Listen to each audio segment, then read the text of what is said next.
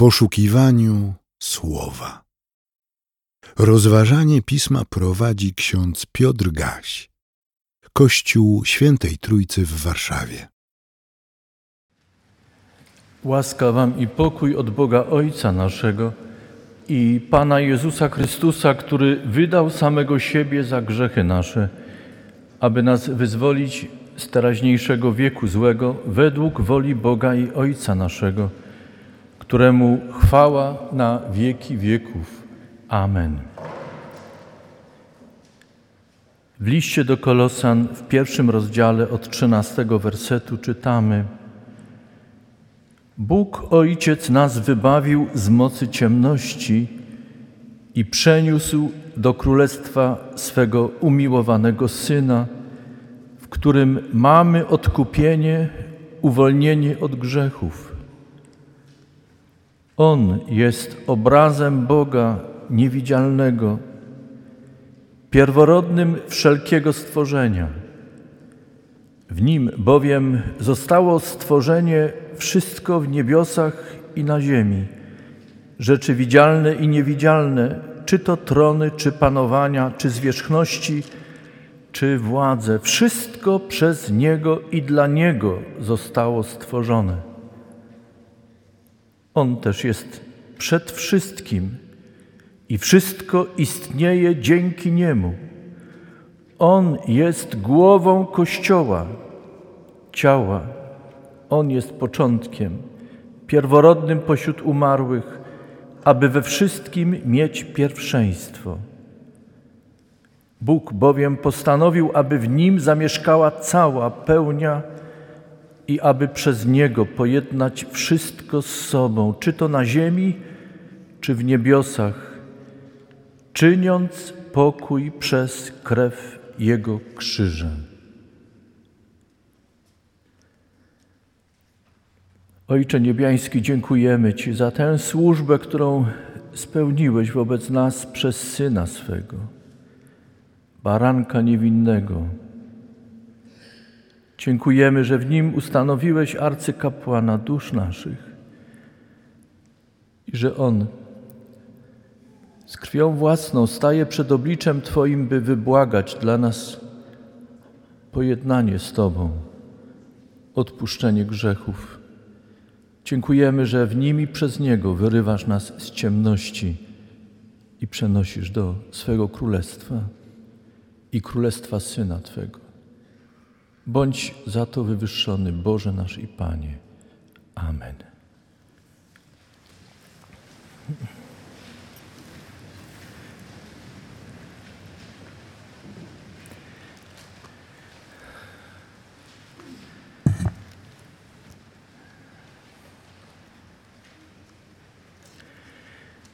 Siostry i bracia w Chrystusie,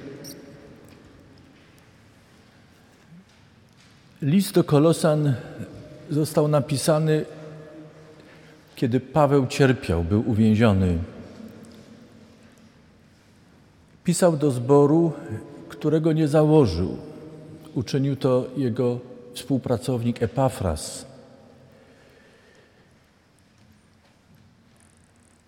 Chrześcijanie, którzy tam żyli, w pewnym momencie zaczęli się skłaniać ku poglądowi, że Chrystus nie wystarczy do tego, by poznać Boga i zbliżyć się do Boga.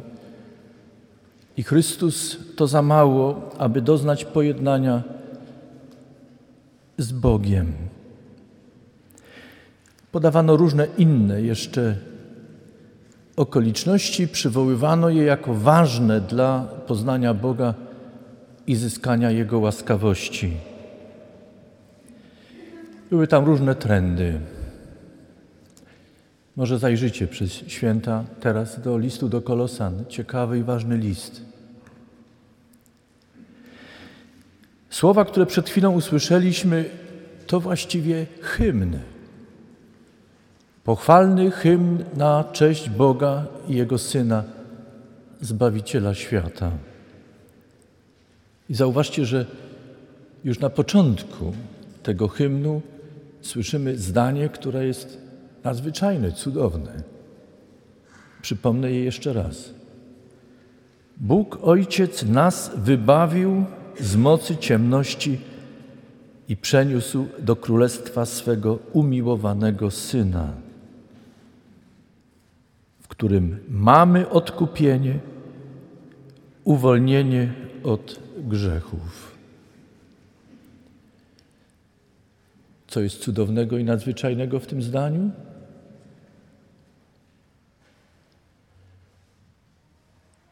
Paweł nie pisze o jakiejś mglistej przyszłości.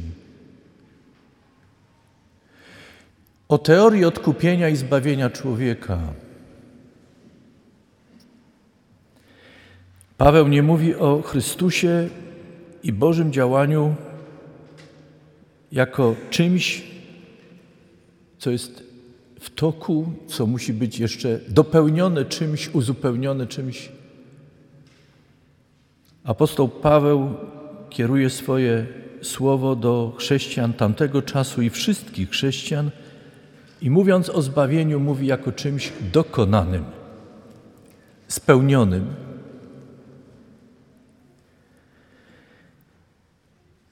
Chrystus właściwie to powiedział. Wykonało się. Ale nie wszyscy wówczas pewnie o tym pomyśleli.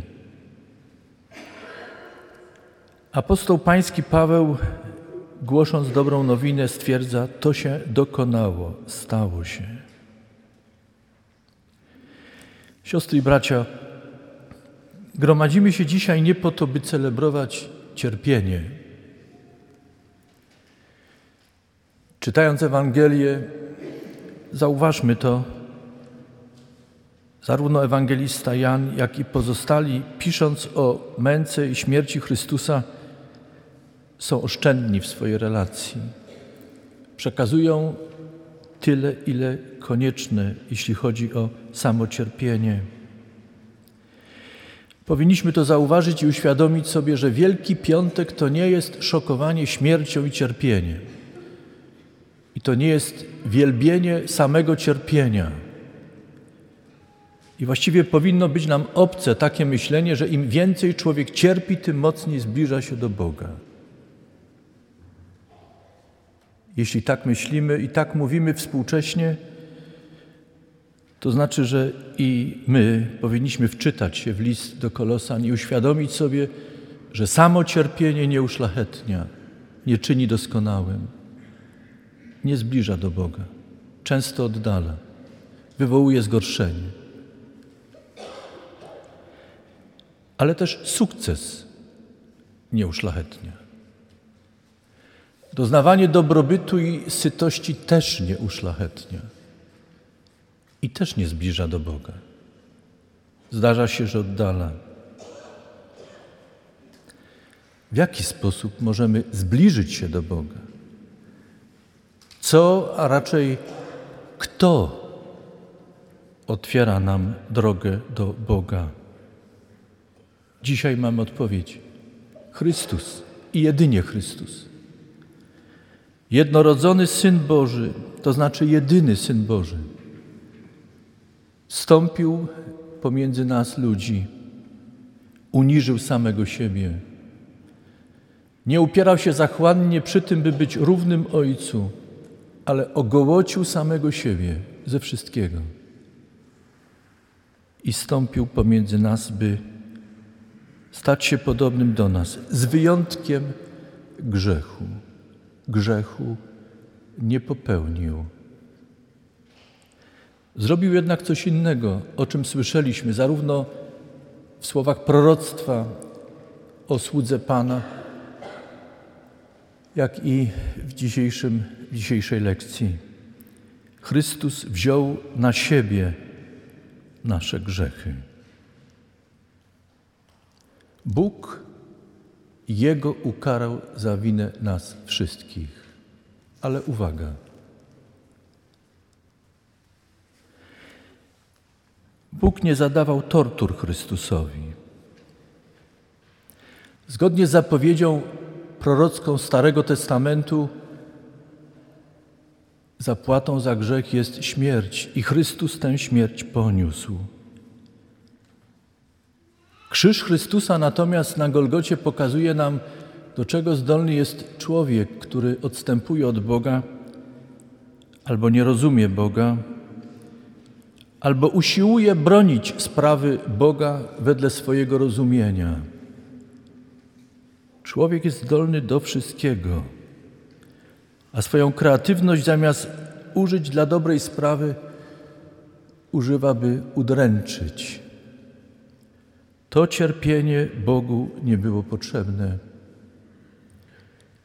I Bóg zbawia nas nie dlatego, że Chrystus był udręczony przez człowieka. Wystarczyło, że Chrystus umarł. Krzyż Chrystusa pokazuje nam trudny, trudny temat.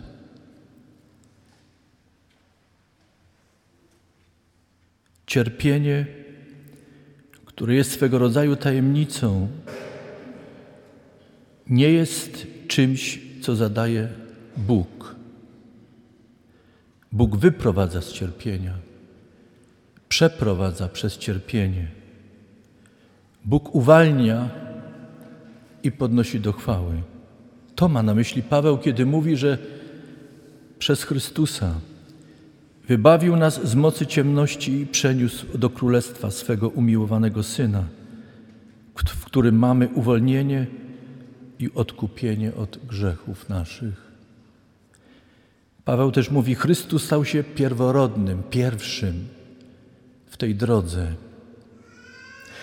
I Chrystus, podążając przed nami, przywraca nam dostęp do utraconego raju, utraconej łączności i jedności z Bogiem.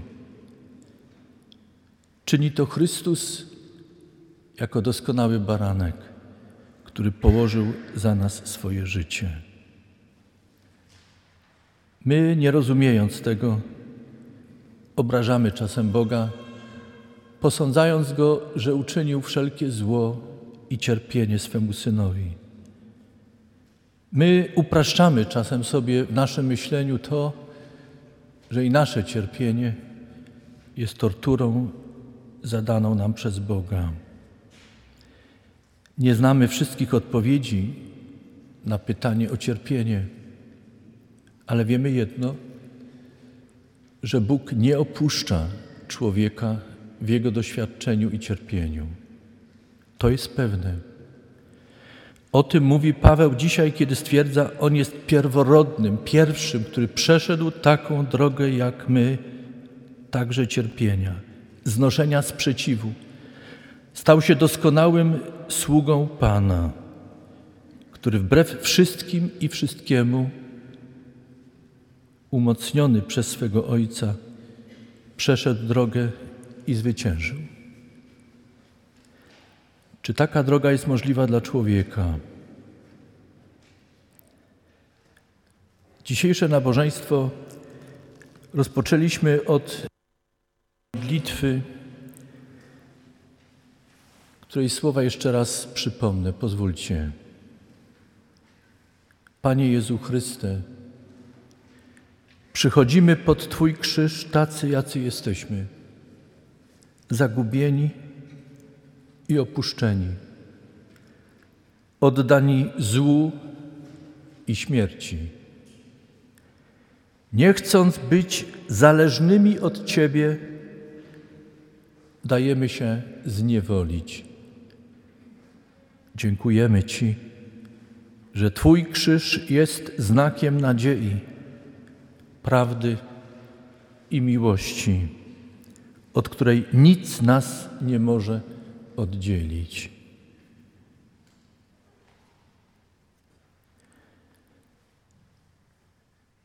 Kiedy myślimy o cierpieniu, często błądzimy i w cierpieniu czujemy się opuszczeni. I często w cierpieniu poddani jesteśmy złu własnemu i innych. A przechodząc próbę śmierci, ocierając się o śmierć,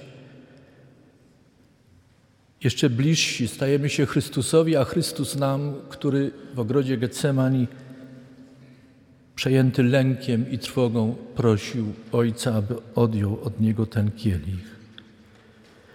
Tak czujemy się zagubieni i opuszczeni. Dzisiaj, myśląc o świecie, mamy dość cierpienia, mamy dość złych wiadomości. Kiedy myślimy o gwałcie, o przemocy zadawanym, zadawanym dzieciom, kobietom, mężczyznom, młodym i starym,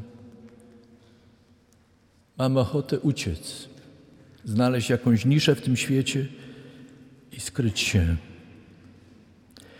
Kiedy nie znajdujemy miejsca, jesteśmy podobni do tych, którzy stają pod krzyżem, tak jak wtedy, i drwimy, niechcący, w złości, w bólu, ale zarzucamy Bogu, że jest bezczynny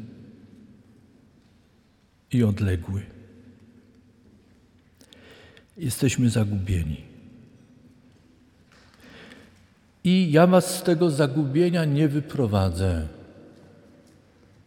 Nie jest to w mocy żadnego człowieka. Może to uczynić tylko i wyłącznie ten, który jest Panem nas wszystkich, jednorodzony Syn Boży, który ogołocił samego siebie, w imieniu Ojca przyszedł pomiędzy nami i dał nam znak tego, że Bóg nie odwrócił się od świata. To znaczy, nie odwrócił się od żadnej i żadnego z nas i jest z nami. I nie wiem, dlaczego czasem tyle cierpimy i tyle musimy znieść, ale wiem jedno, że w tym nie jesteśmy sami. Może to jest za mało czasem dla nas. Zwłaszcza wtedy, kiedy nie jesteśmy pewni tego, czy On rzeczywiście jest z nami. Ale każdy, kto choć kawałek drogi w swoim życiu przeżył, i doznał tego niezwykłego pochwycenia tego, którego nie widzi, ale który jest i który towarzyszy i który nie opuszcza w dźwiganiu krzyża. Ten już nigdy, nawet gdyby przyszło jeszcze większe cierpienie, ten już nigdy nie utraci tęsknoty za takim, takim pochwyceniem, i bliskością Boga. Każdy, kto próbuje być niezależny, jak mówiliśmy w modlitwie na początku, w tym świecie, będzie mu trudno doznać takiego pochwycenia, jeśli będzie chciał być niezależny od Boga. Szukanie niezależności od Boga powoduje, że oddalamy się od Boga mówimy Bogu nie. A Bóg, który jest miłością, jak często to przypominam, nie czyni gwałtu na naszej woli. Kiedy mówisz nie Bogu, Bóg z bólem, ale choć nie podziela Twego poglądu, szanuje go, respektuje. Miłość nie czyni gwałtu.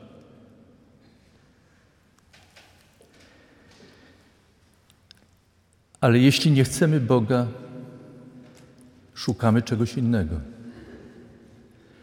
Jeśli więc w tym świecie nie szukamy Boga, to czego szukamy? Jeśli Bogu mówimy nie, to komu mówimy tak? Na czym chcemy się oprzeć w tym świecie, jeśli nie na Bogu? Na kim chcemy budować, jeśli nie na Bogu? Mówię to do Was, dzieci, młodzieży, siostry, bracia. W różnym wieku, z różnymi doświadczeniami. Wiem, jak nieraz wiele musieliście udźwignąć i jak wiele dźwigacie.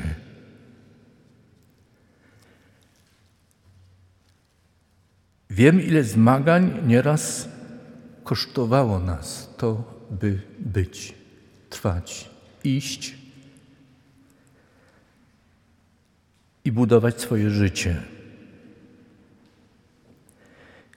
Jeśli doszliśmy do takiego miejsca w swoim życiu, że mówimy, chcemy być niezależni i chcemy być panami, wyłącznie panami swego życia.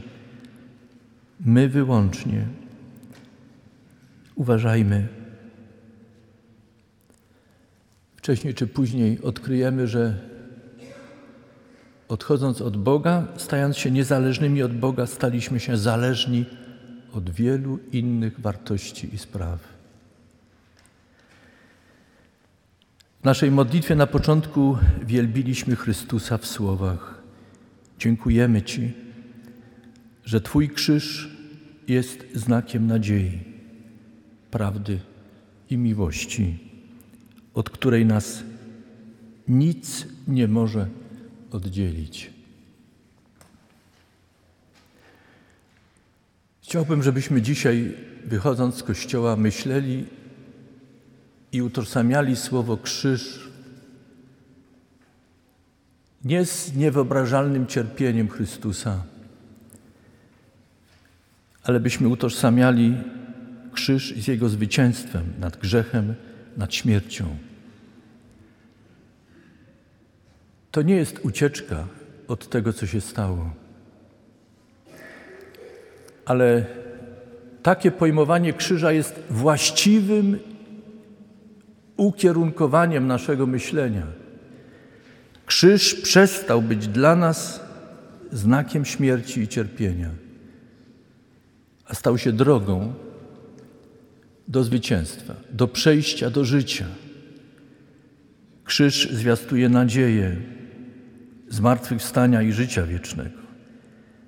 Krzyż przypomina nam prawdę trudną, bolesną o naszym grzechu i naszym odstępstwie, ale krzyż pokazuje nam też prawdę o Bogu, który nie opuścił nas, jest z nami, czuwa nad nami i prowadzi nas. Wreszcie krzyż wyraża miłość. Miłość Boga do każdej i każdego z nas. I miłość jest zaproszeniem też dla każdej i każdego z nas, byśmy idąc w ślady Chrystusa, naszego Pana, błagali Go, aby pomógł nam przezwyciężyć wszystko, co jest trudne, obrzydliwe, odrażające w nas, co jest sprzeciwem wobec Boga, co jest skoncentrowane wyłącznie wobec naszego własnego ja. Powinniśmy o to błagać, byśmy na nowo odkryli Boga miłości. I jak wielką sprawą jest móc miłować w imię Boże. Siostry i bracia, na koniec chcę jeszcze zwrócić uwagę na jeden niezwykły, ważny moment dzisiejszej lekcji. Słowa, które są odniesieniem do Chrystusa, ukrzyżowanego i zmartwychwstałego Pana. Apostoł mówi, że ten Chrystus, darowany nam przez Boga, jest głową Kościoła, głową ciała Kościoła. On jest początkiem, On jest pierworodnym. Jakże bardzo świat potrzebuje dzisiaj Kościoła, który na nowo, na nowo, poprzez nawrócenie, odkryje Chrystusa.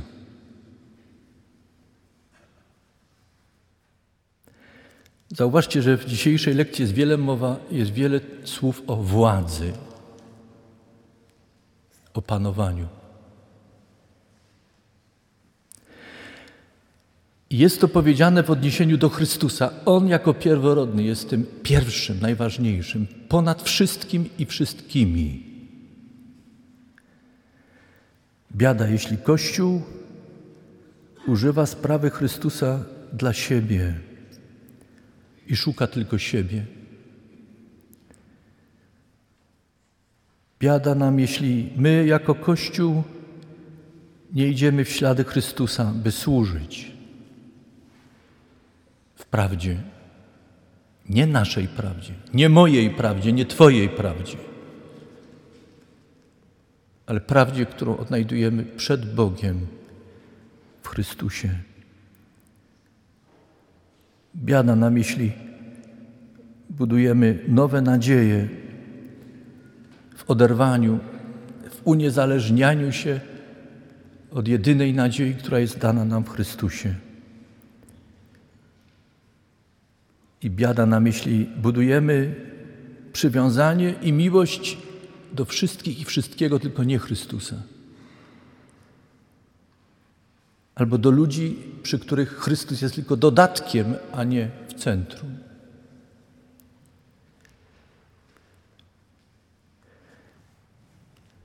Na początku ubiegłego stulecia jeden z teologów mówił, że Kościół utracił swoją zdolność do głoszenia Ewangelii. Wiecie dlaczego?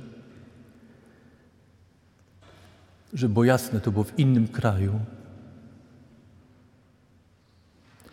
ale także tam. Kościół, jak twierdził ów teolog, szukał wyłącznie samego siebie, a nie Chrystusa. Jak twierdził, Kościół stracił zdolność głoszenia Ewangelii. Przestał być wiarygodny. Co musi się stać, aby Kościół odzyskał swoją wiarygodność i zdolność do głoszenia Ewangelii? Ów teolog odpowiedział: Kościół na nowo musi być przetopiony, oczyszczony. To boli. To bardzo boli. Ale czasem trzeba przejść taki trudny proces, który nie jest zadawaniem sobie samej czy samemu cierpienia, ale jest poddaniem się prowadzeniu Chrystusa, pójściem za Nim, by On poprowadził i przeprowadził i by w tej drodze nastąpiło oczyszczenie, w wyniku której Kościół odzyskuje siłę, zdolność do składania świadectwa. Podkreślę jeszcze raz. Używam tego pojęcia Kościół w odniesieniu do tekstu, który mamy przed sobą z listu do Kolosan, do ludu Bożego. Każda i każdy z nas jest cząstką Kościoła.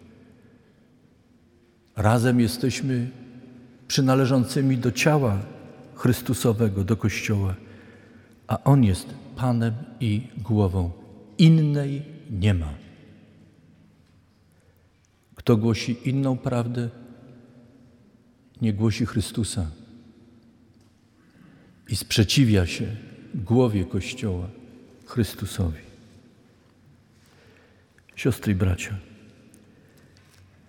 niech tegoroczny Wielki Piątek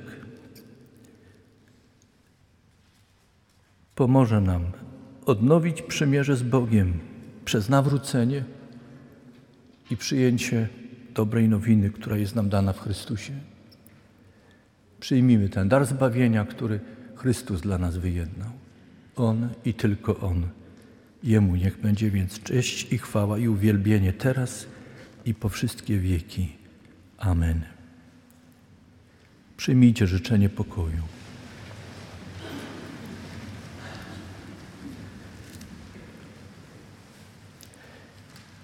A pokój Boży, który przewyższa wszelki rozum, strzec będzie serc waszych i myśli waszych w Chrystusie Jezusie, Panu i Zbawicielu naszym.